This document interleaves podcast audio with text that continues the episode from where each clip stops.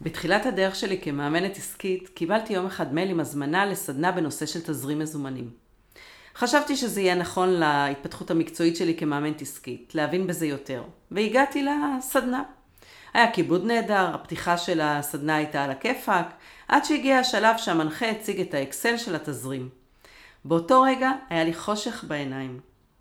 יצאתי בבושת פנים והבנתי שאני חייבת לטפל באישו שיש לי סביב כסף. ארבע שנים אחר כך קיבלתי הזמנה לסדנה שנקראת מתחברים למספרים. נראה לי מעניין ונרשמתי. משום מה המנחה היה לי מוכר, וגם הפתיחה, וכשהגיע הרגע של האקסל של התזרים, הבנתי שזו אותה סדנה שכבר הייתי בה. ההבדל היה שהפעם הייתי אחרת לגמרי. ברוכים הבאים לפרק 19 של ליברה, הפודקאסט שעוסק באיזון בין קריירה מצליחה לרווחה אישית. אני שרית אמיתי ואני מאמנת עסקית. אני מלווה בעלי עסקים ומנהלים בכירים בתהליכי צמיחה והתפתחות אישית דרך השדה של העסק. אני מאמינה שהצלחה מקצועית ועסקית חייבת ללכת יחד עם דאגה והקפדה לרווחה האישית, אחרת להצלחה יכולים להיות מחירים כבדים. אני מזמינה אליי לפודקאסט אנשים מצליחים, מבחינה מקצועית, מבחינה עסקית, מבחינה אישית, לשיחה כנה ואמיתית על עצמם. המטרה שכולנו נוכל ללמוד מהם, איך הם עושים את זה, מה עובד להם, איפה הקשיים ומה מאפשר להם להתמודד עם הקשיים. מוזיקה ומתחילים.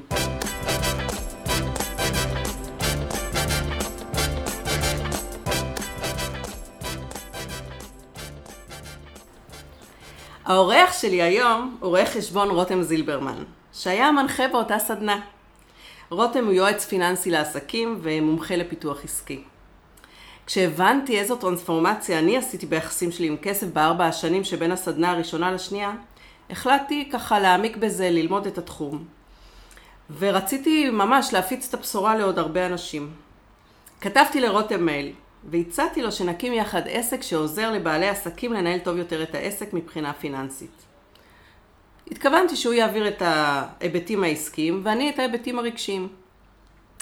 לימים הפכנו לשותפים וצירפנו אלינו צלע שלישית, את אריה מליניאק, והקמנו את המיזם איפה הכסף, שלימד עשרות בעלי עסקים לנהל את העסק שלהם ברמה גבוהה ולהפיק תוצאות בהתאם. לפרק הזה הזמנתי את רותם זילברמן לדבר על כסף ולהסביר לנו במונחים של כסף איך זה קשור לרווחה אישית ואיך זה קשור לתוצאות פיננסיות ברווחה אישית. שלום רותם, איזה כיף שאתה סוף סוף כאן. איזה כיף. כיף לי, כיף גדול בשבילי. איזה כיף שהזמנת אותי. חיכיתי לזה, אתה יודע, הרבה זמן. דיברנו על זה, שזה יקרה יום אחד. נכון. אז הנה זה קרה. אז אתה יודע, אני רוצה להתחיל ולהזכיר לך, שכשעבדנו יחד באיפה הכסף, אחת לכמה זמן, היית פתאום נוסע ליום יומיים לאיזה צימר בצפון, וידעתי תמיד שתחזור עם רעיונות חדשים לעסק.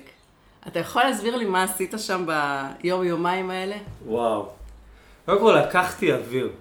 זוכר שהיה עליי עומס מאוד גדול. היה לי גם את העסק שלי, שהמשיך לרוץ וליווי, וגם נכנס פתאום איפה הכסף, עם כנסים על גבי כנסים, ותוכנית ליווי אחרי תוכנית ליווי, והייתי, היו לי ילדות קטנות אז, והייתי חייב אוויר. ופשוט, לא יודע מאיפה זה בא לי, פשוט לקחתי את עצמי, והייתי מזמין איזה צימר בצפון כזה, במקום אה, מדהים, ופשוט מתנתק, בכנות, מתנתק. עצם זה שאני זוכר את עצמי נוסע בכבישים של הצפון, רואה את הירוק הזה, שזה כל כך שונה מקריית אונו כזה, ועיר, ופשוט משהו היה נפתח לי. ואני באמת זוכר את אותם דברים שבאמת הייתי נוסע לאיזה 24 שעות או משהו כזה, גם באמצע שבוע, מין חוויה כזאת, את יודעת, לחתוך את השגרה, אה, להראות לעצמי שאני יכול. זה היה מבחינתי איזושהי תחושה של הצלחה. שאתה יכול לקום באמצע שבוע ולנסוע ולהתנתק, זה, זה מבחינתך חוויית הצלחה. כן. מדהים מה שאתה אומר. קודם אמרת, אני לא יודע מאיפה זה בא לי. תנסה רגע לראות, אולי כי אתה מחבר את זה להצלחה? כן, מאוד יכול להיות. מאוד... עכשיו שאת אומרת את זה, אה, כן. כן. כן, אתה יודע, רוב האנשים לא מרגישים את הלגיטימציה, מה יעזבו את כל המשימות, את כל העבודה, וככה ייקחו להם יום חופש באמצע שבוע, מה, איך אמרת, לקחת אוויר, לנשום אוויר? רוב האנשים זה לא ברור להם ש, שזה לגיטימי. מאיפה, מאיפה הלגיטימציה לדעתך? אני חושב שה...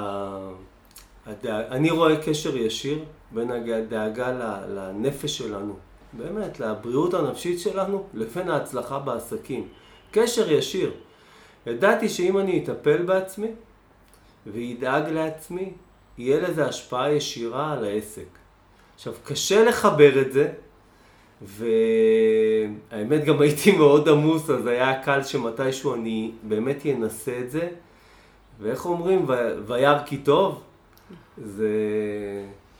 כי אתה יודע, אני, זה, זה, בזה עוסק הפודקאסט. כאילו, בזה שאמרת את זה נגמר הפודקאסט מבחינתי.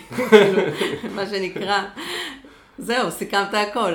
אבל אני יודעת להסביר את זה מנטלית, רוחנית אולי, אבל אתה איש של אקסלים. אתה יכול להסביר את זה אנליטית? אתה רואה, נגיד, דוגמאות מלקוחות שלך, מעצמך, את הקשר, אני אמרתי קודם את הנושא, חוזר עם רעיונות חדשים. מה באמת, מבחינה אנליטית, תסביר את הקשר, אם אתה יכול, אם חשבת על זה, כי זה נשמע שאתה מבין את זה בבטן, באינטואיטיבית. נכון, אני מבין את זה אינטואיטיבית, כי אני, אני לא איש טיפול. מה שכן, אם הולכים עכשיו גם לקטע השכלתני, המוח שלנו עסוק כל היום, כל הזמן בפתרון בעיות, וכל הזמן באיזה מין ריצה, איזשהו ריטואל, וכל הזמן התקלות שקשורות לעסק. כשאני מוציא את הבן אדם מהמקום הזה, אני דואג גם בליוויים להגיד לבעלי העסקים, כן, תכניס לך כחלק מהפעולות שאתה הולך לעשות, מה אתה עושה בשביל לדאוג לעצמך, כי אני צריך אותך בנוי נפשית כדי שהמוח שלך יחשוב יותר טוב על מהלכים בעסק. החיבור כבר הוא, הוא באמת אה, אוטומטי. עכשיו, אני גם יש לי את החוויה האישית, ואני רואה שזה עובד. ואנשים נורא נורא מופתעים. אומרים לי, מה, רותם, עם כל הלחץ התזרימי, והעובדים, ומלא משימות שאני צריך, וגם הבית, עכשיו אתה שולח אותי לים, או אתה שואל אותי מה התחביבים שלי, ואתה מתעקש שזה יהיה חלק משגרת היום?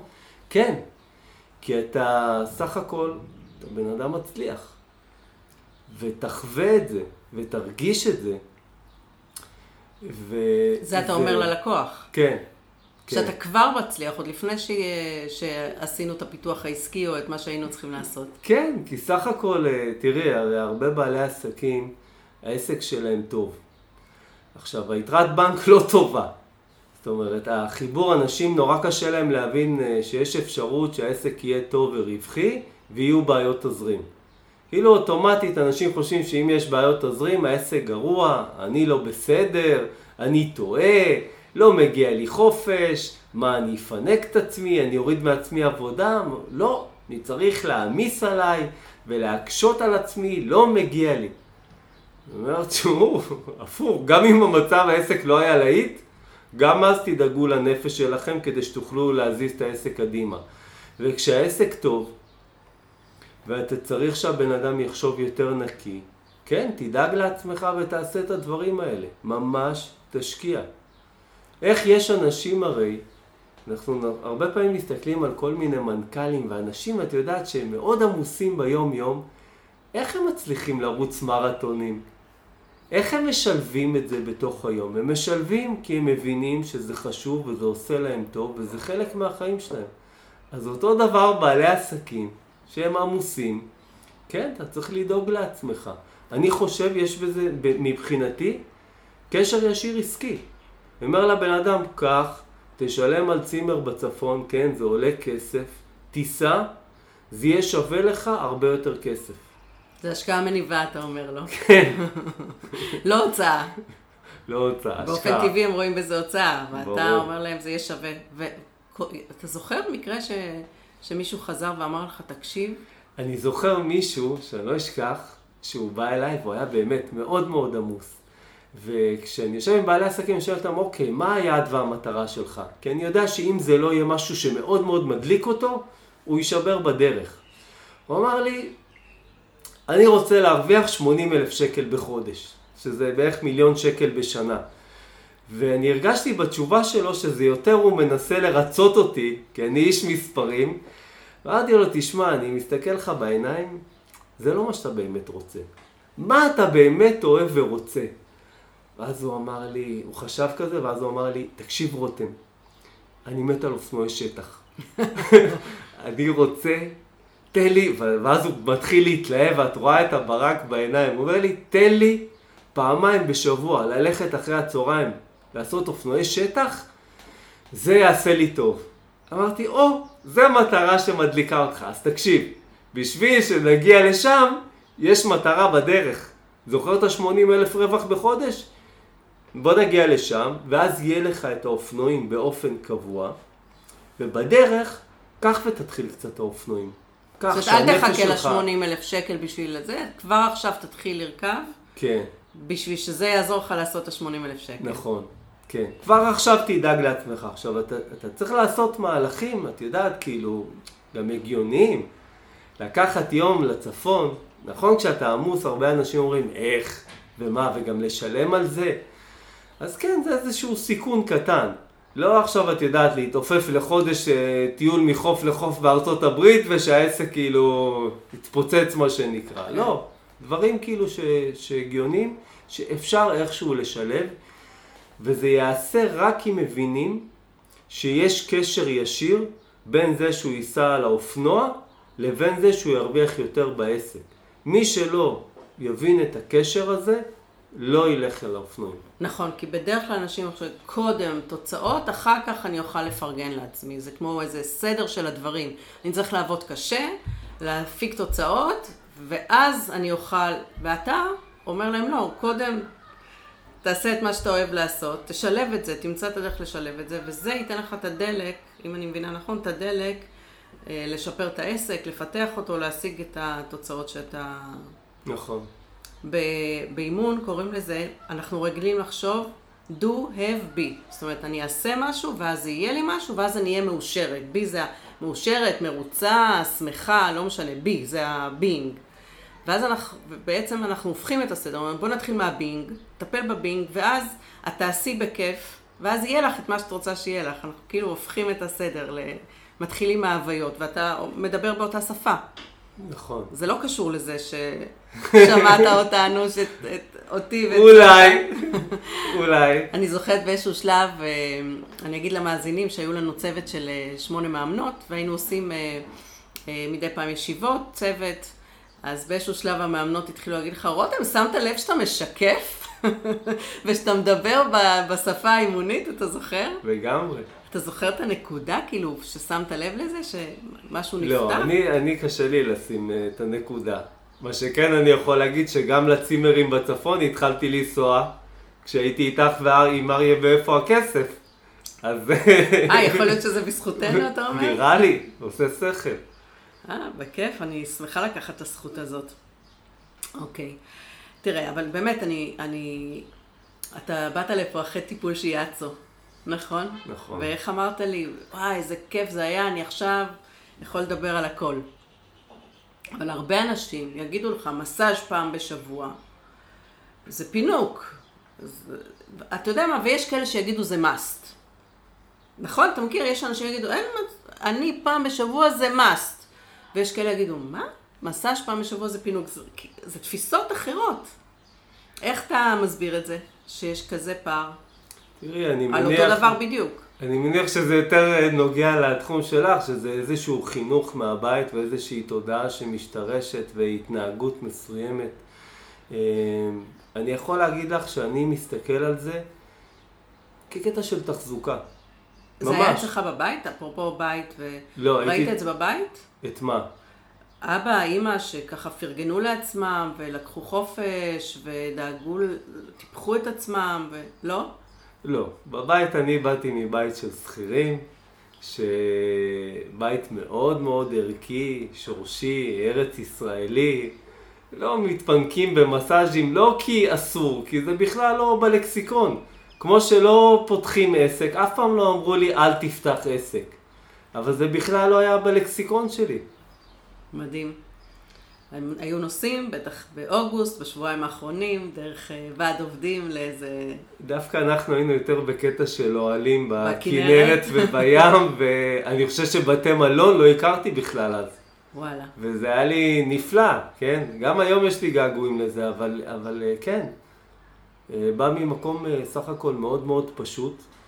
וגם היום, כשנגיד, כשנסעתי לצימר בצפון, הרי זה עולה, זה עולה כסף אה, צימר טוב בצפון, וגם אה, טיפול לעשות במהלך היום, אתה, אני שם כסף, לימדתי את עצמי ממקום מאוד מכיל, מאוד מקבל, ממאוד, מקום ש, שברור לי שאני צריך לשמור ולטפל בעצמי אה, בשביל שהעסק יתקדם. חד משמעית. אתה המשאב הכי יקר של העסק. לגמרי. יפה. אתה יודע, בהרצאות שלי ששמעת אותם בכנסים שלנו, אני מדברת על הקשר בין הטיפול שלנו בכסף, בניהול של הכסף, בכלל אה, להתחבר למספרים, כל מה שאתה מלמד, לבין תחושת הערך העצמי שלנו, אוקיי? עכשיו, אני, כשאני עובדת עם אנשים על כסף, אני מרגישה את ההבדל שזה עושה להם. אותו תהליך שאני עברתי בעצם, של, ש, שהתחזקתי, שהאמנתי בעצמי יותר, בזכות זה שהתפתחתי בתחום של הכסף. אתה רואה אנשים, נגיד, נכנסים לתהליך אצלך, של ליווי, יוצאים אחרת מבחינת איך שהם תופסים את עצמם? כן. אני רואה את זה לא כשהם יוצאים, אה, מהר מאוד. בערך תוך שבועיים שלושה. באמת? כן, כשהם מתחברים למספרים, הרי כשאני קולט אותם, אני עובד עם עסקים רווחיים. הרבה פעמים אני אומר להם על ההתחלה, אתם, אתם בסדר גמור, העסק רווחי, יש לכם כל מיני אתגרים ניהוליים או תזרימיים. ואז ברגע שהם מתחברים באמת למספרים, אה, בדרך שהם גם באמת מתאמצים וממלאים את האקסלים, קורה להם משהו נפשי, שאני לא יודע להסביר אותו הרי במילים, והרבה ממה שאני חושב עליהם בהתחלה, שהם סך הכל אנשים מצליחים, הם מתחילים לקלוט. יש קטע, בשיחה הראשונה אני שואל את כולם כמעט, אה, אתה יודע אם אתה מרוויח או לא? רוב בעלי עסקים לא מייחסים לזה חשיבות גדולה. כי... הם יודעים אבל לענות? הם אומרים לי בהתחלה לא יודע. ואז אני אומר, אוקיי, ומה המצב התזרים? ואז הם מדברים על הלחצי תזרים הרבה פעמים. ואז אני שואל אותם, אוקיי, ומה רשום בדוחות של הרואה חשבון? אומרים לי, אה, רשום שיש רווח. אז אני אומר, אז העסק רווחי. הם אומרים לי, כן. אני אומר להם, אבל לפני רגע תהיתם. למה הם תהו בעצם? כי מבחינתם עסק רווחי זה עסק מצליח, שיש לו יתרת פלוס בבנק. ואז הם לא מקשרים את זה שהעסק שלהם שהוא רווחי, שהם יודעים שהוא רווחי, הוא באמת רווחי.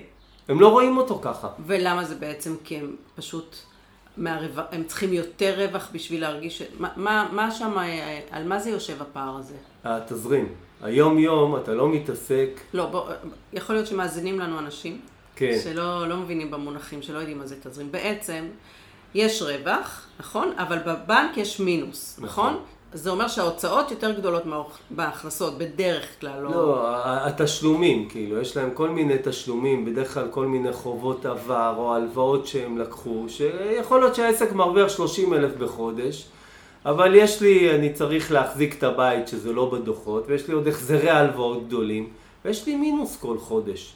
ומה שמעסיק אותם הרי כל הזמן זה היתרת בנק.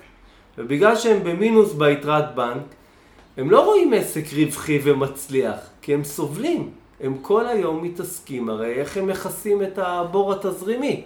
והמיינד שלהם כל הזמן עסוק בזה. אז כשאתה עסוק בזה, וכל הזמן יש לך נגיד חריגה בבנק, ואתה דואג איך תשלם משכורות ומע"מ, מה זה מעניין אותך כל כך שהעסק רווחי? מה זה עוזר לך ביום יום בחוויה שלך? אז אתה כבר מסגל לעצמך איזושהי הוויה של עסק לא מצליח, ובעל עסק לא מצליח. הישרדותית, הוויה הישרדותית, נכון? כן, לא טובה. אוקיי, ואז מה קורה להם בתהליך? אתה אומר שהם מתחברים למספרים, פתאום רואים שהעסק מרוויח, הם מבינים שזה לא קשור לתזרים, ואז מה, אתה עוזר להם לנהל את התזרים? מה, מה בעצם קורה בתהליך שגורם הם... להם להרגיש טוב? קודם כל הם, הם מגלים דרך הרגליים, מה שנקרא, שהעסק באמת רווחי, ולמה יש מינוס בבנק. אז בעצם זה שהם מבינים למה ואת הפערים, ממה זה נובע, כבר אה, יש איזו הקלה. יש איזה, כמו זריקת אדרנלין מטורפת, שאף אחד לא יכול לעשות אותה למעט הם. זאת אומרת, אני אומר להם כבר בשיחה הראשונית, אתה מרוויח נגיד 30 אלף בחודש ויש לך מינוס 200 אלף. הוא שומע מה אני אומר, הוא מאמין לי, אבל הוא לא הרגיש את זה. ובשבועיים שלושה כשהוא מתחיל למלא אקסלים, מתחילים לתשאל אותו, והוא, והוא רואה דרך הרגליים מה שנקרא, הוא צועד בדרך, הוא חווה את זה, ואז הוא מבין שהוא, באמת את המספרים האלה. וברגע שהוא מבין, פתאום הוא מתמלא מוטיבציה ואמונה, ואז המוח הולך למקומות אחרים, למקומות יותר טובים. כאילו, נפ, כאילו נפתחים חדרים, ואז פתאום בא לך לרוץ. ואתה לא מרגיש, את יודעת, כאילו אתה מדווש על האופניים בחדר כושר ואתה במילא, את יודעת, לא משנה מה אני עושה, אני באותו מקום. פתאום אתה אומר, בואנה, הנה, יצאתי החוצה עם האופניים, תן לעוף קדימה. Mm, פתאום מאמינים, מאמינים בעסק, בפוטנציאל, כי הם בעצם, אוקיי. תן דוגמה. משהו, איזה סיפור לקוח כזה ש... סיפור מה? כזה של... מרגש, כזה שבא עם אה, ראש מורכן, אה, מרגיש חרא, ש... שהוא עובד, עובד, עובד, והעסק לא טוב, ופתאום... אה, אה הנה, יש לי...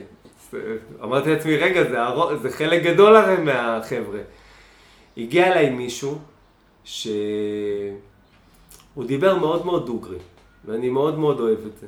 שם הכל על השולחן, אמר לי, רותם, אני עוקב אחריך, אני יודע בדיוק מי אתה. תגיד לי אם העסק שלי שווה או שאני צריך לסגור אותו. אומר לו, סבבה, תביא את הדוחות. אני רואה את הדוחות, אתה יודע, בשניות אני אומר לו, העסק מרוויח. אומר לי, לא יכול להיות. אומר לו, העסק מרוויח, בוא אני אראה לך, עכשיו בוא, בוא נדבר קצת. ואז התחלתי לשאול אותו שאלות. ואני רואה שהבן אדם קודם כל עונה לי לעניין, והיה בן אדם מאוד חד. אמ, זאת אומרת, הוא הכיר את מה שקורה לו בעסק. כן, והוא הכיר את המספרים טוב. הוא לא ידע לחבר אותם ולראות את התמונה הכוללת, כמו, כמו רוב בעלי העסקים. אוקיי. Okay. ואז אני אומר לו, אוקיי, כמה שנים אתה עם בעיות תזרים? הוא אומר לי, מההתחלה, כבר עשר שנים. אמרתי, אוקיי, מה עשית בעשר שנים? ותוך כדי שאני מתשאל אותו, הוא אומר לי, תשמע, אה, הרחבתי את המשתלה וקניתי עוד חלקה והשקעתי עוד כסף ותראה ואז אני אומר לו, אוקיי, אז לקחת עוד הלוואות? הוא אומר לי, כן. אני אומר לו, אוקיי.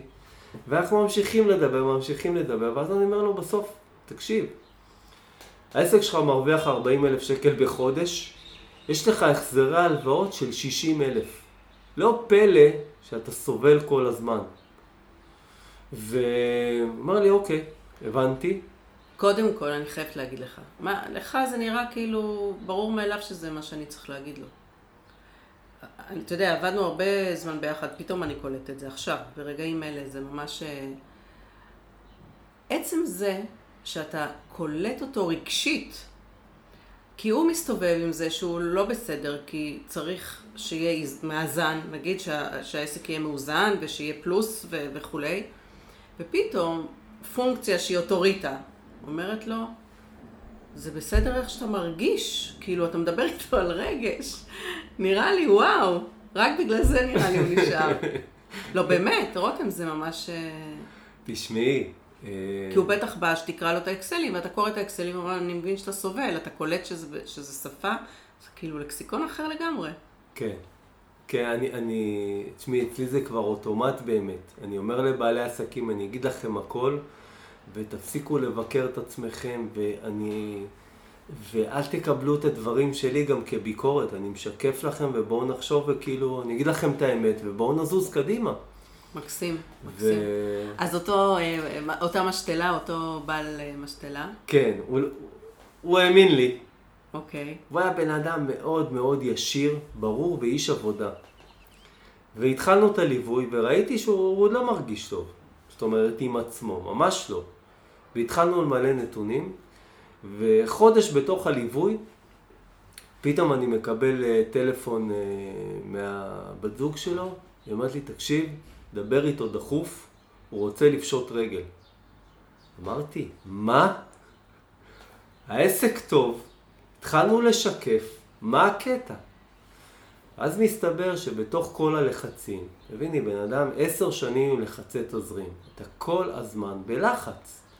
ויש פיקים הרי. יש רגעים יותר קשים, פחות קשים. למשל שצריך לשלם למע"מ, אז... כן. היו כמה ספקים שלא הסכימו לדחות תשלומים, וזו תחושה מאוד מאוד לא נעימה, ואתה גם לא בסדר כי לא עמדת במילה. והבנקים לפעמים אה, לוחצים. והבנקים אצלו כבר כל הזמן לחצו, והוא נשבר. ואני זוכר שדיברתי איתו, אמרתי לו, תקשיב, בוא, שנייה, תתאפס, אם אתה רוצה לפשוט רגל, הכל בסדר. בוא, אני אחבר אותך לשיחה שהייתה לנו והתחלת למלא. ומהשיחה הזאת לא היו יותר שיחות של אה, הישברות וכאלה. אה, זה היה שם תהליך, באמת, אני כל כך הערכתי אותו, כי הוא נלחם. מה הוא שינה ש... שאפשר לו... אה, קודם כל הוא האמין, העסק היה טוב. הוא בנה באמת לאורך השנים. היו לחצי תזרים אדירים, והיה סיכון. אבל הוא נלחם עם הבנקים בקטע טוב. להילחם עם הבנקים זה לא ללכת להפוך שולחן, זה לא חוכמה, ככה לא תנצח.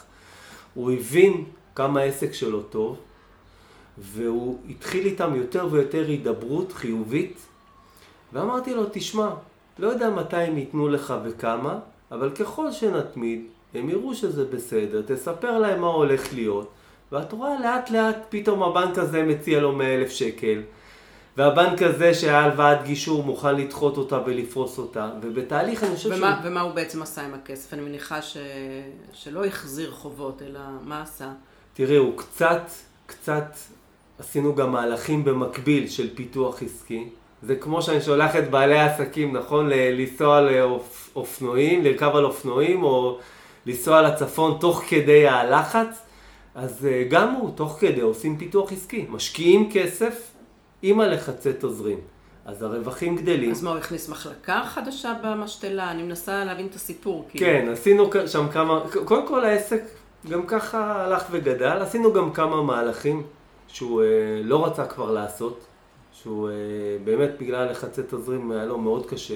הוספנו עוד כמה דברים שהוא, שהוא ידע שהוא צריך. אומרת, שירותים או מוצרים? עוד מוצרים שהוא ידע שהם הולכים לעוף, מה שנקרא, הכנסנו אותם. זה עוד חובות לספקים. אתה לוקח נכון. פה איזשהו סיכון תזרימי. אה, מה עוד עשינו שם? היה איזה משהו שיווקי שהוא מאוד רצה לעשות המון זמן והיה צריך להשקיע 20 אלף שקל והוא אמר לי, רותם, אין לי. אמרתי לו, אוקיי, תפרוס תשלומים ובואו נזוז קדימה. היה שם תהליך של איזה שמונה חודשים עד שהגענו למקום שלא סיימנו את כל החובות, אבל הרווח עלה מ-40 אלף ל-80 אלף. וואלה. עם הבנקים. לאט לאט פרסנו את ההלוואות האלה, זה החזרים ירדו מ-60 אלף, שזה באמת היה רצחני, ל-30 אלף. לא, אפשר לחיות. וואו. זה... זה, זה ממש משנה חיים. זה, זה שינה חיים, כן. מדהים. אני יודעת שכשאתה עובד איתם על פיתוח עסקי, גם הרבה פעמים אתה צריך אה, לשכנע אותם להוריד מעצמם ולהכניס עוד עובדים. עוד פעם, שזה נתפס לא רק כעוד הוצאה שהעסק לא יכול להרשות לעצמו, גם סומכים רק עליי הלקוחות, ו... מכיר את זה, נכון? כן, איכשהו. אה, כן, אז אה, איך, איך אתה מצליח לשכנע אותם להוריד מעצמם דווקא? כאילו, במקום, הרי הם באים חושבים, אני אעבוד יותר שעות או יותר קשה, אני ארוויח יותר כסף ואז אני אכניס עובדים. ואתה אומר להם, לא, בדיוק ההפך, נכון? כן. תכניס עובדים, תוריד את השעות שלך, וככה יגדלו הכנסות. בוא תסביר את זה. זה גם קטע מוזר. קודם כל אני עשיתי את זה לעצמי. מצאתי שאם אתה מדווח לעצמך לאן הולך הזמן שלך, לא ממקום ביקורתי, אלא פשוט ממלא אקסל פשוט, חמש דקות ביום לאן הולך הזמן, זה גם עושה איזשהו תהליך נפשי. הנה, אתן לך דוגמה מלקוח אני יכולה לתת לך את הדוגמה שלי. אני זוכרת שנתת לי לעשות את זה. כשרק הכרנו ובנינו את הקורס יחד, אז אמרנו בואו נשתף אחד בכלים של השני. דבר ראשון שנתת לי זה למלא את האקסל הזה של הזמן. אתה לא זוכר? אני זוכר. וחזרתי אליך אחרי שבוע ואמרתי לך, אני מעלה מחירים. ככה, בקלות, מה שנמנעתי הרבה זמן. כי פתאום הבנתי כמה זמן אני משקיעה בכל הכוח. וזה נראה לי פתאום שזה שווה מחיר הרבה יותר גבוה. מדהים. בשניות, איך שהתחברתי למספרים, במקרה הזה זה לזמן, יכולתי... מזמין. הייתה לי לגיטימציה. זה מדהים, כי את, הנה, את בן אדם בתודעה גבוהה. בדיוק רציתי לתת לך דוגמה מלקוח שהוא גם בתודעה גבוהה, והוא מילא באמת רק כמה ימים. הוא אמר לי, רותם, ההתלבטות שלי אם להביא קמפיינר, הוא צריך להביא איש... אה, פרסום בדיגיטל? איש פרסום פנימי בעלות של איזה 28 אלף שקל. עכשיו, העסק לא יכול להכיל אותו כרגע. הוא מילא כמה ימים וקרה קסם. בדיוק כמו שלך היה איזשהו שיקוף, הרי זה לא, לא אני אמרתי לך, תביא, תעלי מחירים.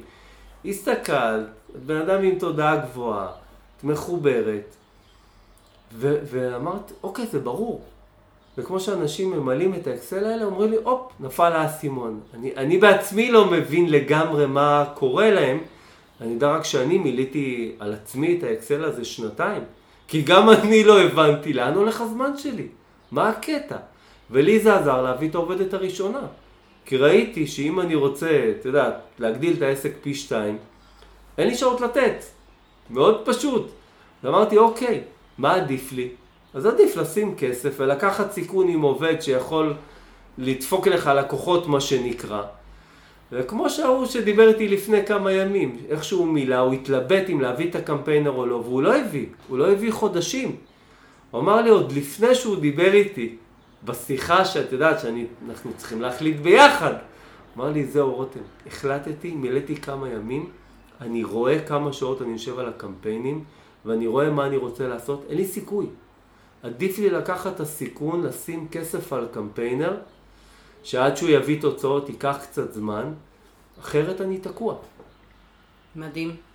אגב, שנה אחרי זה בערך, שכבר רצנו עם לא יודעת איזה מחזור זה היה, החלטתי שאני חוזרת על האקסלים עוד פעם. כאילו הרגשתי צורך אחרי תקופה מסוימת, ותכף אתה תיזכר שאני אספר לך, והתחלתי באמת שוב פעם עם השיעור הראשון, עם האקסל של הזמן, ואז הבאתי את המזכירה ב outsourcing. אני זוכרת שזה קרה יחד עם זה שאבא שלי, אה, שהפכתי להיות אפוטרופסית, והיו לי הרבה באמת ביוקרטיות והרבה דברים לטפל, ולא, ונחנקתי עם הזמן.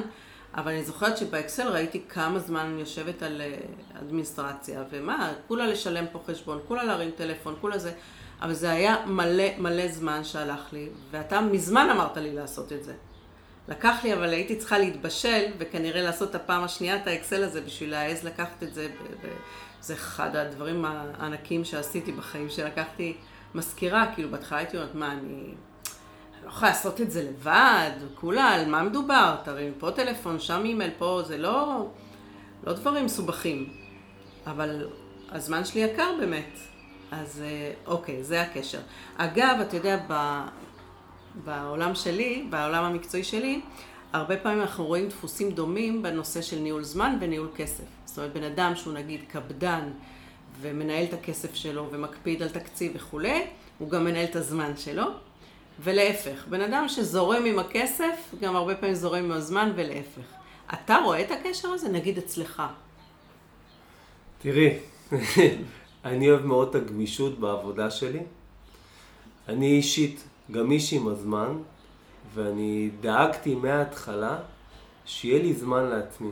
זה מאוד מאוד חשוב לי, וגם עם הכסף אני יחסית זורם. הרי אני איש פיתוח עסקי, אז אני כל הזמן לוקח סיכונים. ואם אתה קפדן על הכסף, את יודעת, לא מוציא שקל עד שזה לא הוכח שאתה חייב, קשה לך לזרום בפיתוח עסקי. אותו דבר עם הזמנים. אני מאוד מכבד, פעם הייתי מאחר כרוני. באמת? באמת, כן. ואני, זה, זה תכונה שכאילו, זה לא תכונה, זה כאילו הרגל שאני, שאני לא אוהב. וטיפלתי בו. עכשיו, זה לא שאני לא משאיר לעצמי חללים פנויים של זמן וזורם, אני מאוד אוהב את זה. אני חלק מההנאה הגדולה שלי שיש לי עסק, זה שיש לי גמישות גדולה. אבל הגמישות מתוכננת, זה מה שאתה אומר. הגמישות מתוכננת, כן. נגיד כי... אתה מחליט מתי אתה מתחיל לעבוד בבוקר, ואתה בא בשעה שאתה מחליט, או שכל בוקר זה משהו אחר? תראי, היום אופי העבודה שלי הוא די זורם, בוא נגיד ככה. אבל אה, ויותר אה, אני עוזר ל... אני עוזר בעסק, בסדר? גם עם הלקוחות, גם עם השיווק. אז אני יותר נדרש לכל מיני דברים, לפעמים מהרגע להרגע, ולפעמים זה יותר מתוכנן, ואני זורם, ודואג גם שיהיה את הפניות הנפשית. אז בעצם מה שאתה עונה לי שאצלך זה שונה, שעם הכסף אתה, בעצם אתה כן גמיש, כאילו אתה לא על השקל, אבל אתה כן מאוד מנהל את הכסף. כן, כן. זה גם בעלי עסקים, הרבה פעמים אה, נורא להם, מוזר להם שאני אומר, קחו הלוואה, קחו הלוואה. ואני אומר, תשמעו, אני מאוד מכבד את הכסף, ואני בא ממקום של ניהול סיכונים.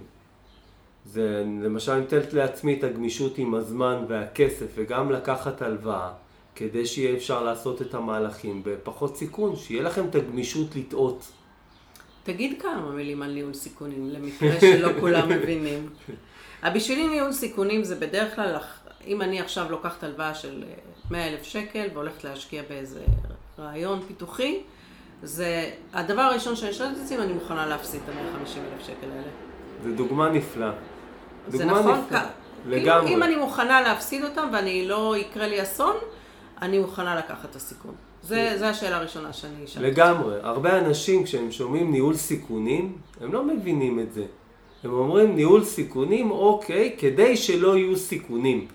אין דבר וזה, כזה. זה האנשים הקפוצים שלא משקיעים בעסק וזזים לאט לאט. כי אין אופציה שלא לקחת את הסיכון, אי אפשר לדעת מה יהיה. נכון. גם אם הרעיון שלך נהדר, אתה אף פעם לא יודע אם הוא יצליח. נכון, זה גם לא, זה גם לאו דווקא איזה רעיונות של התחלה, למשל להביא עובד. כשעוד אין לך מה שנקרא עודף לשלם לו, שאין לך עבודה מלאה לשלם לו, זה כאילו לבזבז כסף. בראייה שלי זה הכי פחות מסוכן, כי אני מאמין ותכננתי וחקרתי וכיבדתי את הכסף, לאן אני רוצה להגיע, ואז אני אומר, מה יביא אותי הכי מהר אם אני אביא היום עובד? עכשיו, זה סיכון. אני לוקח סיכון, אני נערך לו, אני מגייס אליו כסף. בדרך כלל זה לא, הפיתוחים העסקיים והסיכונים שלוקחים, הם לא מכספים עודפים בעסק. ברוב העסקים בשביל לגדול, צריך להשקיע כסף. או להביא מהבית, או לקחת הלוואה. זה מה שקורה ברוב העסקים. ואחר כך כשגדלים, הרבה פעמים צריך לקחת עוד הלוואה. וכשטועים, מה הכי פחות מסוכן? הכי פחות מסוכן לעשות. לקחת עוד הלוואה. זה אבל... קשה לתפוס את זה, אה? קשה, אה? כי רוב האנשים לא מתכננים. הם לא מחוברים למספרים שלהם. לא, רוב האנשים בב... שמעו בבית שהלוואות זה דבר מסוכן. אל, אל, אל תיקח על עצמך עוד התחייבויות. אני, אני מכירה את זה גם אצלי, הרבה מאוד אנשים מדברים, כאילו הלוואה זה מילה גסה ממש.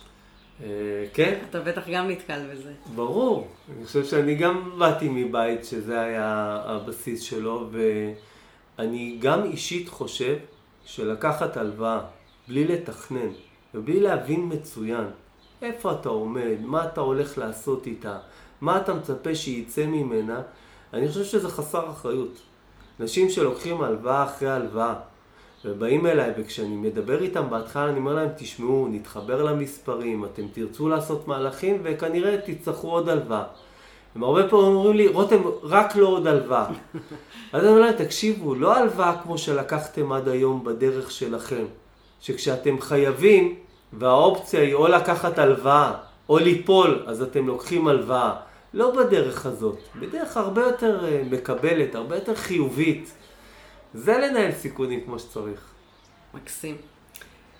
טוב, בוא, משהו אחר קצת. תגיד לי, איך הפכת מרואה חשבון ליועץ אה, עסקי לעסקים? כאילו, מה, איך היה המסלול שלך?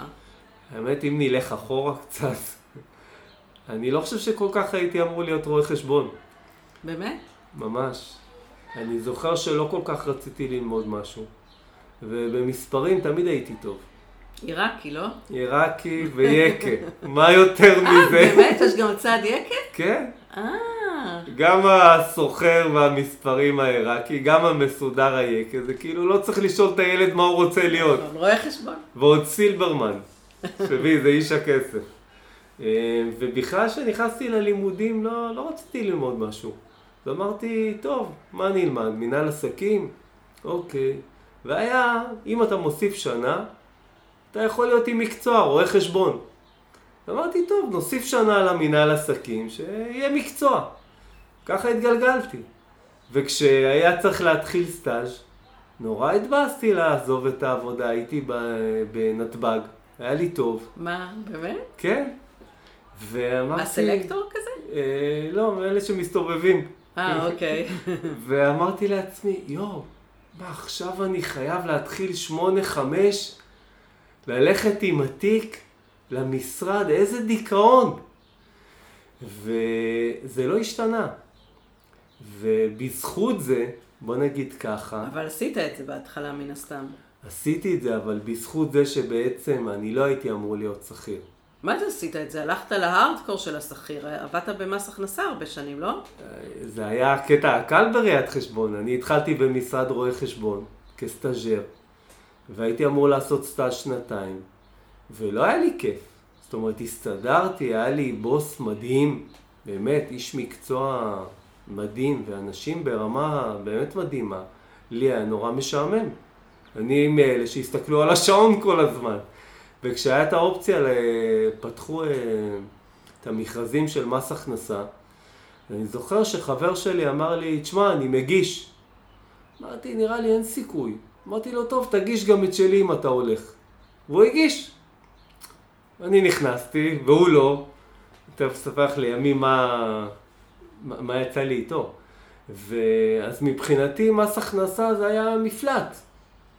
ובמס הכנסה באמת היה לי מאוד טוב. כן? כן, פתאום אה, מי... מה היה התפקיד שלך שם? הייתי בהתחלה מפקח, ואחר כך מהר מאוד הייתי רכז. וגם התחלתי להרצות, וגם הקטע הכי גדול, שבמשרד רואי חשבון אפילו לא היה לי מקום משלי כסטאג'ר. ובמס הכנסה קיבלתי משרד, ופתאום כל השותפים ממשרדי הרואי חשבון מתנחמדים אליי. Mm. אליי, הסטאג'ר שכאילו לא היה לו כיסא. וזו הייתה תחושה, ובמיסים היה לי מאוד מאוד נוח, כי יש שם הרבה משא ומתן וגישור. וזה בעצם קטע די משפטי, ואתה יושב עם רואי חשבון ועורכי דין, וזה מרתק, אבל לא היה לי ספק שאני שם לא נשאר. לא הייתה שאלה. בגלל שאני בעצם בבסיס צריך להיות עצמאי. הנפש שלי... היום אתה מבין את זה. צריכה, כן. בדיעבד אני מבין את זה. למה? עברתי ממקום למקום, הסתדרתי בכל מקום. גם אחר כך כשהייתי מנהל כספים והייתי במקומות באמת לא פשוטים, ולמדתי המון, כל הזמן לא, אני בפנים לא הייתי מרוצה. עד שבאמת אה, נזרקתי בגיל 38, ואני זוכר את עצמי הולך לרעיונות עבודה. נזרקת כאילו פיטרו אותך? פיטרו אותי כמנהל כספים. ואני נכנס לרעיונות עבודה, ואני אומר לעצמי, אני יושב בריאיון, ותוך כדי שאני מנסה להרשים איזה ארבעה, חמישה אנשים, אני מדבר עם עצמי. את יודעת, לא שמעו מה שאני אומר לעצמי בפנים. פנימיים. קולות פנימיים לחשו לי, מה יקרה אם יקבלו אותך? וישר אני אמרתי, וואי, איזה דיכאון. מצד שני אתה רוצה להרשים, גם אתה בא מהכנסה של מנהל כספים, זה מה שאני יודע לעשות. זוכר את עצמי יוצא מהרעיון עבודה שהייתי בו די טוב, ולא קיבלו אותי בסוף, אבל באמת הייתי די טוב, ואני אומר וואי, שיקחו אותי, ואז אני אומר, וואי, לא, לא, שלא ייקחו אותי, אם ייקחו אותי, אוי ואבוי. וזה לקח כמה חודשים, ותוך כדי ככה התחלתי לייעץ לחברים, ווואלה, ראיתי ש... יכול להיות שאפשר לשלם לי על זה. כי הרי באתי עם ניסיון אדיר, כי אני בכל מקום שהייתי בעולם ראיית החשבון, אה, עברתי. זאת אומרת, באתי עם ניסיון כיועץ עסקי שהוא לא מקובל. משני הצדדים בעצם. גם משני הצדדים, גם בעולם עם ראיית החשבון. בדרך כלל אם אתה במס הכנסה, אתה במס הכנסה. אתה לא גם במשרד רואי חשבון, גם במס הכנסה, גם מנהל כספים. זה לא מקובל. ובאתי בעצם אה, בגיל 38 עם ידע וניסיון מאוד מאוד גדול, שהוא לא כל כך קיים בעולם הייעוץ העסקי. וזה גם ההוויה שלי מהמקום של בעצם לעזור. אני מסתכל על עצמי היום, הרי אני איש פיתוח עסקי, אבל תכלס, אני מסתכל, אני, אני עוזר ל, לאנשים. זהו, רציתי לשאול אותך מה אתה הכי אוהב כן. לעשות בעסק. מה אני הכי אוהב? כן.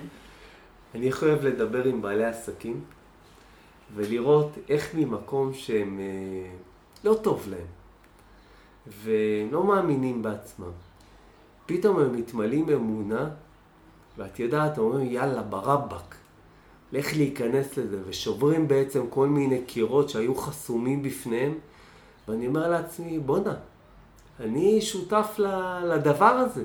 אני עזרתי לבן אדם לחיות יותר טוב. עכשיו, זה משפיע הרי על הכל, זה משפיע על החיים שלך בבית, אוטומטית. לא ייתכן שתהיה עם בעיות עוזרים ובבית יהיה כיף. אין, אין לך שנייה לנשום. אין לך פנאי נפשי. או שאתה כל הזמן עם לחצים ומתחים ניהוליים, אז... מוציא את העצבים על הילדים, על האישה. אין לך אנרגיה. כן. אתה בן אדם נטול אנרגיה. והקטע הזה שהבן אדם כאילו משנה את החיים, תשמעי, אני, אני לך בכנות, כאילו, אני מרגיש במידה מסוימת כמו איזה, כמו איזה מטפל. עכשיו, זאת אומרת, איך? לא, אני- פיננסים, אני אקסלים, דוחות, פיתוח עסקי, ניהול סיכונים. קטע טיפולי, הס מלהזכיר. אין לי הכשרה הרי, אבל אני מבין שהתהליך הזה עושה משהו כזה. אתה יודע, לא דיברנו על זה אף פעם לדעתי ככה, כמו שאני הולכת להגיד לך את זה עכשיו, אבל אני עכשיו מבינה את זה, כי בעצם החיבור שלנו, מה קורה? אני גיליתי בשנת 2014, שבשנת 2012 אה, נולד ענף חדש בעולם שנקרא תרפיה פיננסית. זה אומר שאנשי טיפול למדו גם את הצד הפיננסי כדי שהם יוכלו לעשות איזושהי אינטגרציה, שיבינו גם את המספרים וגם את הנפש, אוקיי? את הצד הרגשי. ובאו ולומדים את התחום הזה, את המקצוע הזה, גם אנשים שבאים כמוך מהצד הפיננסי וגם כאלה שבאים כמוני מהצד האימוני-טיפולי. אבל זה בעצם, מה שעשינו זה האינטגרציה, זה המקצוע הזה שנקרא תרפיה פיננסית. זה מה שאתה מרגיש שאתה עושה, תרפיה פיננסית. אוקיי? אז תרפיה זה לאו דווקא הבן אדם היה חולה ונהיה בריא. זה, זה, זה באמת טיפול בנפש, הוא קם בבוקר אחרת, הוא קם בבוקר, שמח יותר, מרוצה יותר, סבלני יותר. זה, זה, תחושת הערך שלו, זה, זה לגמרי, בעיניי זה לגמרי טיפולי. אתה מבין שפשוט עשינו, אנחנו עושים אותו דבר רק משני צדדים אחרים. כן.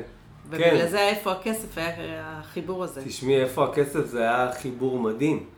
ואני זוכר כמה אני נהניתי, שואלים אותי איפה הכסף היה, הצלחה, מה הקטע כאילו. אומר להם, תשמעו, הקטע הכי גדול מבחינתי, שאני זכיתי להיות 14 מחזורים עם אריה ושרית, ואני ספגתי שם כמות ידע שהיא כבר השתרשה בי. ויש לי היום יכולת, כאילו, כיועץ, ששמעתי אתכם כל כך הרבה, זה נטמע בי כל החשיבה הזאת. בזכותך ובזכות אריה אני יכול להגיד חד משמעית שיכולת הקשבה שלי והשיקוף עלו בכמה רמות. עכשיו זה כל כך קריטי שאתה מתעסק עם בעלי. עסקים ואתה רוצה, הרי, הרי בסוף אני יושב על החלטות עסקיות, לזה לוקחים אותי. אז אה, זה קל לי. אבל אתה חייב להבין באנשים בשביל. שזה, בשביל להצליח להניע אותם. אני אומר הרבה פעמים לבעלי עסקים, הם, הם הרבה פעמים, רותם, תעשה תוכנית עסקית, ואני אומר להם, תקשיבו, אתם צריכים להבין, התוכנית עסקית זה קר כזה. תביאו לי שלושה עסקים, זהים. אבל שלושה בעלי עסקים שונים הרי אחד מהשני, לכל אחד תהיה תוכנית שונה. זה מותאם אישית, חבר'ה. זה לא ככה זה וזה התוכנית העסקית אה, קרה כזאת ואקסלים וזהו. זה לא שווה כלום. יפה. אז מה שאתה הכי אוהב זה לעזור לאנשים ולראות איך, איך החיים שלהם אה, משתנים. זה מה שבעצם ענית לי. תגיד לי, ואיך, אמרת ששבוע טיפוסי שלך זה כזה שבוע עם גמישות, ואתה מקפיד לטפל בעצמך וכולי, אבל יש לך, אל תצחק על השאלה, בלוקים קבועים של דברים קבועים, שאתה אומר, ככה אני מתחיל את הבוקר, נגיד ספורט, אני יודעת שאתה מאוד מקפיד על תזונה, אני גם יודעת שאתה אבא מאוד אה, מעורב ומסור, אז איך באמת, אה, איך אתה מאזן? אה, או איך זה נראה באמת אה, תכלס, השבוע שלך? או שאין דבר כזה שבוע טיפוסי. בכנות, אין דבר כזה. וואלה. אין את הקוביות. ניסיתי, באמת ניסיתי לחקות אותך. זה לא אני ואני צריך לקבל את זה. אני צריך לקבל את זה, ואני, מה שכן אני יכול להגיד לך, שאני פעם הייתי דחיין. כשלא היה לי טוב, וכשהייתי שכיר, לא היה לי הרי טוב מבחינה אישית ונפשית. לא, לא היה לי כיף. זה שהסתדרתי וחייכתי והייתי טוב, בפנים בפנים. בפנים, לא. הייתי דחיין, וואלה. כן? עד שלא היה צריך להגיש את הדוח, אז לא לא היית כן. יושב עליו? לא. אוקיי. וזו תחושה, היום אני לא דחיין. מה, אני כמה פעמים הייתי אצלך, ראיתי פתק עם אה, ב-10 בבוקר, 11 בבוקר, כבר עשית עליו קווים. כאילו, נגמרו המשימות. כן, נכון? יש לך צטלך כאלה. כן. אני, אני שכחן אדיר, ואני כותב הרבה. כותב כדי uh, לזכור. ואני משתדל, אה, אני לא יכול להגיד לך, את יודעת, שאת הכל אני עושה במיידית וזה, אבל סך הכל אני לא, אני לא דחיין, וזה עושה לי טוב. למה? כי תמיד יש לי את הבסיס להשוואה, כי אני זוכר את הדחיינות. אני זוכר את זה. אוקיי, okay, אז אני בכל זאת חוזרת לשאלה של שבוע, לא, אם יש לך באמת איזשהם אבנים חש... כאלה, אתה מכיר את הביטוי אבנים גדולות? דברים שאתה אה, עושה בשגרה שלך, שאתה יודע שהם, נגיד אצלי זה ספורט, אוקיי? Okay? מה אצלך? אמ, איך אתה מזין את הנפש שלך? אני יכול להגיד לך שהספורט אצלי, הוא, אני כתבתי על זה גם לא מזמן, כן? הוא תופס מקום נכבד בהתעסקות שלי, בהתמודדות, בכנות. אני אמרתי שאני כבר, אני חושב, 35 אה, שנים נלחם בקטע של הריצה. אני יודע שריצה עושה לי טוב, מצד שני לא בא לי לרוץ. זאת האמת. אוקיי. Okay. אבל אני לא מוותר. ואת יודעת, כל הזמן מוצאים לי קבוצות ריצה וזה, זה לא, זה לא בשביל, לא, לא בא לי, ואני עושה את זה. זאת אומרת, אה, אני דואג כל הזמן, זה יושב לי ב mind, ולפעמים קצת יותר ולפעמים קצת פחות. אם תשאלי אותי מה מאוד חשוב לי, זה הדברים האלה. שאני יודע שאני הולך לילדות ממקום אה, יותר נקי, ושיש לי פניות נפשית לזה, וזה לא טריוויאלי. זה לא תמיד כזה מעניין גם אה, להסתובב בגני שעשועים, וגם אה, לספורט. אני יודע ואני ממש עובד על עצמי שזה יהיה. זה לא במשבצות, הלוואי במידה מסוימת שזה היה, מצד שני אני, אני, אני חי עם זה, אני חי עם זה בסדר. זאת אומרת, אתה עוד לא בשלב שהתמכרת לזה וזה אין, זה על אוטומט, זה כל פעם זה מלחמה מחדש לצאת לרוץ? היה לי את זה, כן. היה לי את ההתמכרות לזה. כן היה? כן, היה, אני זוכר את זה, ו... נגמלת? נגמלתי, לצערי. זה עדיין יושב לי, זה עדיין מנהל אותי, ועובדה שאני עדיין עושה. זה לא, זה לא שאני זונח לגמרי. אני חושבת שאתה עושה כשאתה מצליח להזכיר לעצמך איך תחזור מהריצה, אז אתה יוצא לרוץ. כשאתה שוכח איך, אה, כמה זה טוב ולמה אתה עושה את זה, אז אולי פחות יש אה, מוטיבציה. כן, גם, כן, גם יש לי נטייה, אני חושב, מאוד מאוד להשתעמם. וכשנגיד אותו מסלול ריצה חוזר כאיזשהו ריטואל, אז אה, דווקא אז אני אצליח לפרוש מזה. אוקיי, תגיד לי, ו... אתה כאילו מציג תמונה שאתה באמת אדון לעצמך, ויש לך הרבה גמישות בזכות זה שאתה עצמאי, והרבה חופש, ושאתה בא לילדות שלך ככה משתדל להקפיד על זה שאתה בא רגוע ונקי, ושאתה מכריח את עצמך לעשות ספורט, כי אתה מבין שזה חשוב. ואיפה הדליפות או המחירים? איפה, אתה יודע, איפה אתה מרגיש שזה צריך עוד לעבוד? שצריך עוד לעבוד? כן. איפה אתה... איפה אין איזון, כאילו? אמ, הנה, נגענו בקטע של הספורט. אני לא, אני לא מרוצה מה... מה מבחינתך היה להיות מרוצה? שהיית הולך בשמחה ולא מכריח את עצמך? מבחינתי שלא הייתי נשבר כל פעם. אה, אתה כאילו יש הפסקות? יש הפסקות. Mm. מה זה נלחם 35 שנים? זה לא שאתה כל הזמן עושה, יש הפסקות. אוקיי. ואני לא אוהב את זה. היית רוצה לקום בבוקר כמו שאתה מצחצח שיניים ללכת לרוץ? אמ, האמת שככה הייתי עושה, את יודעת, ככה חזרתי. אני זוכר שכדי לא, את יודעת, להיכנס לתירוצים, או שיהיה לי איזשהו, אה, פתאום הילדות פה, זה אתה צריך לחשוב. אני זוכר שחזרתי לריצה, דרך זה שהייתי קם בבוקר, שם נעליים ופשוט יוצא. יוצא, כאילו צא, אחר כך נראה מה יהיה. אה, ואז הייתי רץ באמת. הייתי עושה גם כל מיני משחקים עם עצמי, אני זוכר עם החדר כושר, הייתי אומר לעצמי, תשמע, רק תגיע לחדר כושר, אם לא בא לך להתאמן, תלך הביתה. ואת יודעת, ברגע שאתה נכנס... שיטת אז... הקייזן קוראים לזה. הקייזן? כן, כי צעד קטן מוביל לשינוי גדול. כאילו, רק תנעל תנעל לספורט. זה כבר יוביל אותך לצאת מהבית. אה, תגיד רק עשר דקות, זה כבר יהיה יותר כזה, לעבוד על המוח, לעשות סוג של אה, מניפולציה. אז זה מה שעשית עם עצמך באופן אה, אינטואיטיבי. כן. אני חושב שאת זה הייתי רוצה קצת יותר לסדר, ואתה יודע, עוד לא מאוחר. אוקיי. אתה יודע, אני מאמינה שאנשי טיפול, אימון, לא משנה, בעולם שלנו שעוזרים לאנשים, צריכים גם מישהו אה, שיעזור לנו. שיקשיבו לנו, שיסתכלו על העסק שלנו, אתה יודע, שזה יהיה, אה, שנהיה במקום של הלקוח. מי תומך בך? אה, קודם כל, תמיד אני באיזשהו ליווי. וואלה. גם ליווי התפתחותי אישי, רגשי, וגם אה, גם בעסק.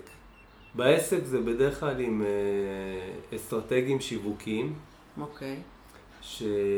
שזה פשוט ברכה בשבילי, ואני כל כך שמח אה, למצוא, כשאני מוצא מישהו שהוא, שהוא, שהוא טוב, שהיא טובה בכמה רמות מעליי, זה פשוט אושר גדול בשבילי. אני משחרר בכיף. יודעים, אה, מי שמכיר אותי יודע, אני קונה שקט. אם את יודעת לעשות, קחי, אין לי אגו שם, ממש לא. לא צריך להגיד את ה"אני יודע" ו"אני" ותקשיבי, ממש לא. קחי, תעשי. אממה, ככל שאתה רץ בעסק וככל שהתקדמתי, יותר קשה למצוא את האנשים שהם באמת ברמה מספיק טובה, שהם מסוגלים לספק את הסחורה. אה, ו... אבל אני כל הזמן, אה, כל הזמן אני מלווה. וזה כיף גדול מבחינתי. זה גם נורא מפתח אותי ברמה האישית, כי תראה, אני מבין שיווק, אני לא איש שיווק אבל, ואני מבין אסטרטגיות, ואני ליוויתי הרבה אנשי שיווק וגם uh, ליוו אותי, ועדיין, אני יכול להגיד לך שיש לי עכשיו חוויה פשוט נפלאה, מאשת שיווק מדהימה, שעם כל הניסיון שלי, לא חשבתי שתגיע מישהי ברמה כל כך גבוהה ותפתח לי דברים ותיתן לי איזשהו רוגע. והנה זה קרה. וגם בקטע הרגשי. אני כל הזמן בטיפול, כבר 18 שנים, כל פעם המדדים שלי זה אם אני משתעמם, אז כנראה אני צריך לעבור הלאה. עד אז אני, אני הולך, אני בכלל לא קורא לזה להקפיד. כאילו, כיף לי, עושה לי טוב. תמיד אני שואל את עצמי כשאני יוצא מפגישה, גם עסקית וגם אה, אישית, אם, אה, אם בא לי לבוא עוד פעם. זאת האינדיקציה. זאת האינדיקציה. לא משנה שילה, כמה שילמת, אם בא לך לבוא עוד פעם. אני אומר את זה גם הרבה פעמים לבעלי עסקים שבאים אלינו, ואומר להם, תקשיבו, אתם תרגישו כבר. והם תקועים בהתחלה, הרי הם לא מבינים מה הם יעברו, אז הם תקועים בקטע של השכר טרחה. ואומר להם, תקשיבו, הקטע הקשה באמת, זה בכלל לדבר איתנו, לשתף פעולה, למלא את האקסלים, כי תחשבו, אם אני לא מעניין אותך, עזבו שנייה את הכסף, הדבר היחיד שאתם רואים כרגע זה כסף. אם אני לא מעניין אותך, למה שתדבר איתי בכלל? עכשיו זה אותו דבר אצלי בקטע של הטיפולים ובקטע של בליווי שאני מקבל. אם מישהו משעמם אותי ולא יודע, תורם לי, נגמר. אתה יודע, זה לא ה... מעניין אותך לדעתי, זה ה... הלהיות, להיקלט. אתה מי שבא אליך כי הוא מרגיש שאתה קולט אותו, שאתה מבין אותו, שאתה מצליח להיכנס לנעליו, שאתה לא מבקר אותו, בז'רגון המקצועי שלי זה חומל עליו, יכול לראות שהוא עשה את הכי טוב שהוא יכול בכלים שהיה לו, ואוקיי, בוא נראה איך אפשר לשפר לו את הכלים ואת הביצועים. וכנראה שזה מה שאתה מקבל כשאתה הולך לטיפול, שקולטים אותך, מבינים לבלבך, מבינים עם מה אתה מתמודד, מציעים לך עוד נקודות מבט או עוד כלים אה, זה, זה החוויה הזאת של להיות נקלט. לגמרי. הנה, עכשיו שאת מחדדת לי את, ה, את המילים, כן, זה באמת זה. אני, אני מכורה לאימון, כן? אני גם פעם בשבועיים אה, מתאמנת.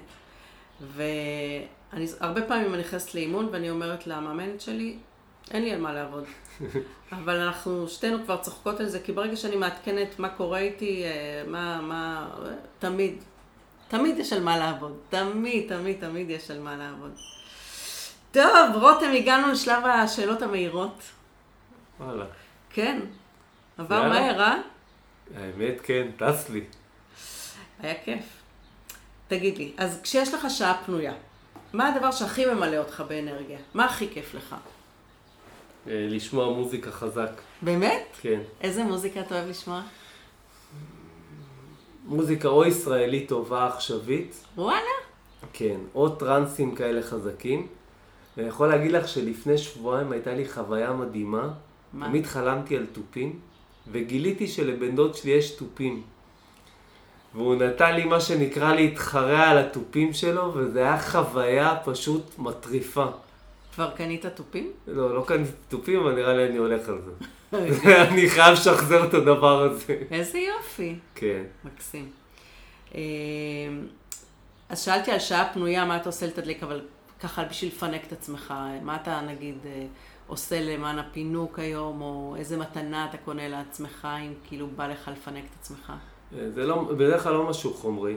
לא משהו חומרי. חומרי פחות מדבר אליי כבר. אה, הנה, עכשיו שעשיתי טיפול שיאצו, הרגשתי באמת מיליון דולר. עד היום אני יודע להעריך כל טיפול או כל שיחה טובה, בשבילי לעשות שיחה טובה עם בן אדם. שיחה מעניינת. אה, זה, זה משהו מדהים. איזה יופי. תגיד לי, מה, מה היית אומר היום לרותם בן ה-20? בן כמה אתה היום? היום אני בן, אה, אוטוטו בן 50. שיאו. אנחנו אז מכירים שש שנים. שש אני זוכרת. שהיית בן 44. כן. וואי, אוקיי. אז מה רותם בן הכמעט 50 אומר לרותם בן ה-20? היה אה, אומר לו. עכשיו? היה אומר לו הרבה דברים. אחד. אחד, אה, לא נעים לי להגיד לך, אבל יש לך חתיכת דרך לעבור. ומה יעזור לך בדרך? אני חושב שזה, אני, את יודעת, שמעתי את זה מהרבה אנשים, אני חושב שזה בהקשר של הקריירה, באמת, הייתי מאוד אבוד. כי הרי סך הכל, תחשבי, הייתי צריך לפתוח עסק, אבל אני לא פותח עסק, ואני הולך מסלול של לימודים שלא בא לי, ובדיעבד צדקתי, שלא יהיה לי שם טוב. אז אם הייתי יכול להגיד לעצמי, באמת יהיה בסדר, תעשה את הלימודים, תעשה את העבודות, אל תתבאס מזה שלא הכי כיף לך, ואולי גם תפתח את הראש ותזוז לקטע העסקי קצת יותר מהר, וואלה. אז בעצם היית. היית אומר לרותם בן ה-20, זה יהיה, תצטרך לעשות איזשהו מסלול, כמה אבני דרך שלא תרגיש אותו, אבל יש לזה, בסוף יצא מזה טוב. כאילו כזה, יש לזה מטרה. כן. אה, תחשבי, בכל מקום שהייתי, סך הכל לא היה לי טוב.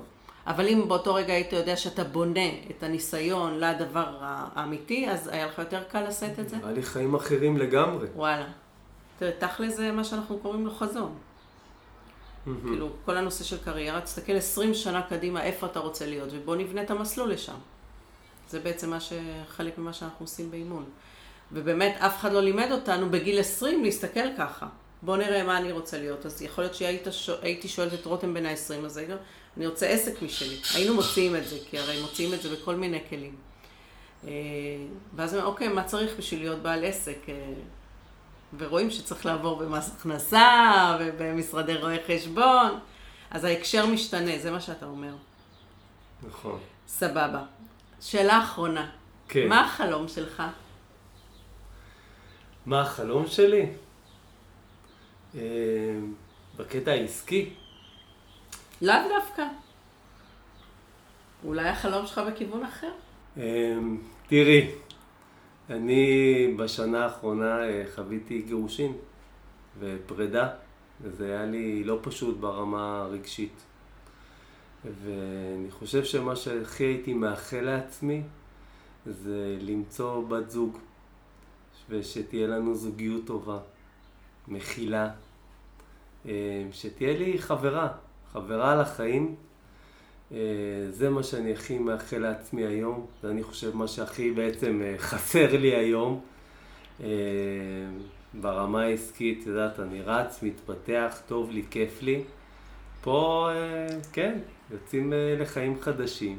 זה מאתגר מאוד, מרגש גם מאוד, ושם יש לי עוד דרך לעשות.